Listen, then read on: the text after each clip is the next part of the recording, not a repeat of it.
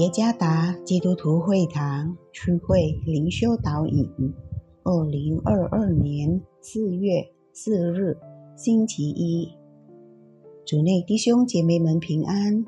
今天的灵修导引，我们要借着圣经诗篇五十二篇第一节的下半节到第四节，来思想今天的主题：借近于多义。作者。苏心志传道诗篇五十二篇第一节的下半节到第四节，勇士啊，你为何以作恶自夸？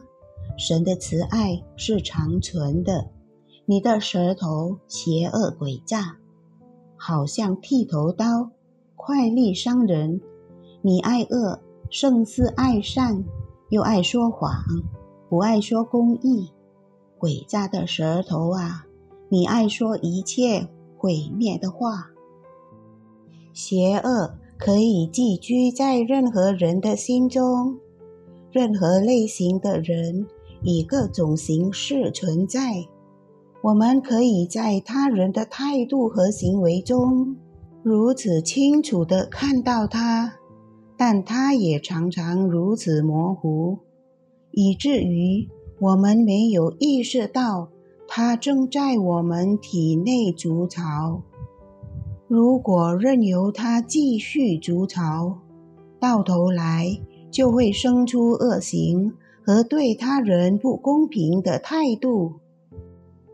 诗篇五十二篇第一节的下半节到第四节，让我们了解扫罗的仆人多益。的邪恶本性，扫罗将他安置在罗伯城。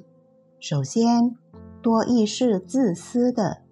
如果我们仔细阅读《撒姆耳记上》二十一到二十二章，从多益看到大卫遇见亚西米勒，直到他向扫罗王报告，会有相当长的停滞时间。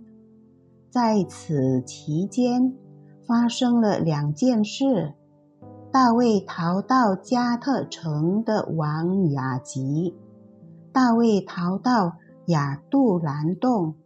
所以，多益所做的不仅仅是向他的主人报告他所看到的，相反的，他掌握了非常宝贵的情报，他暂时隐瞒。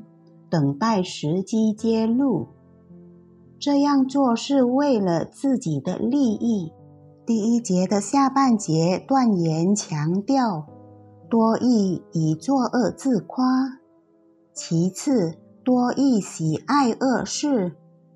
于多益的作为，罗伯八十五位祭司以及他们全家的人被杀，表明他憎恨任何。为真理挺身而出的人，而亚西米勒则为真理辩护，并如实向扫罗讲述大卫的事。第五节强调多义爱恶胜似爱善。在这个堕落于罪的世界里，像多义这样的人。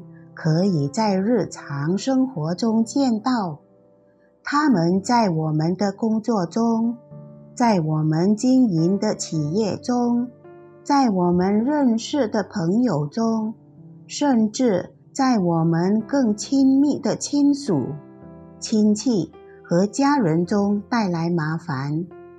另一方面，我们也会像多益一样对待别人，有时。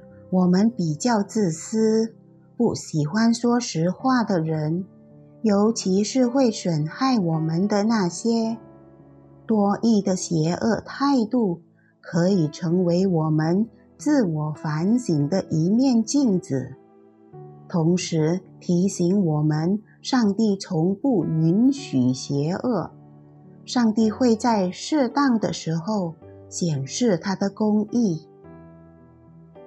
自私和不喜欢真理，使我们陷入各种邪恶之中。对这两样谨慎吧。主耶稣赐福。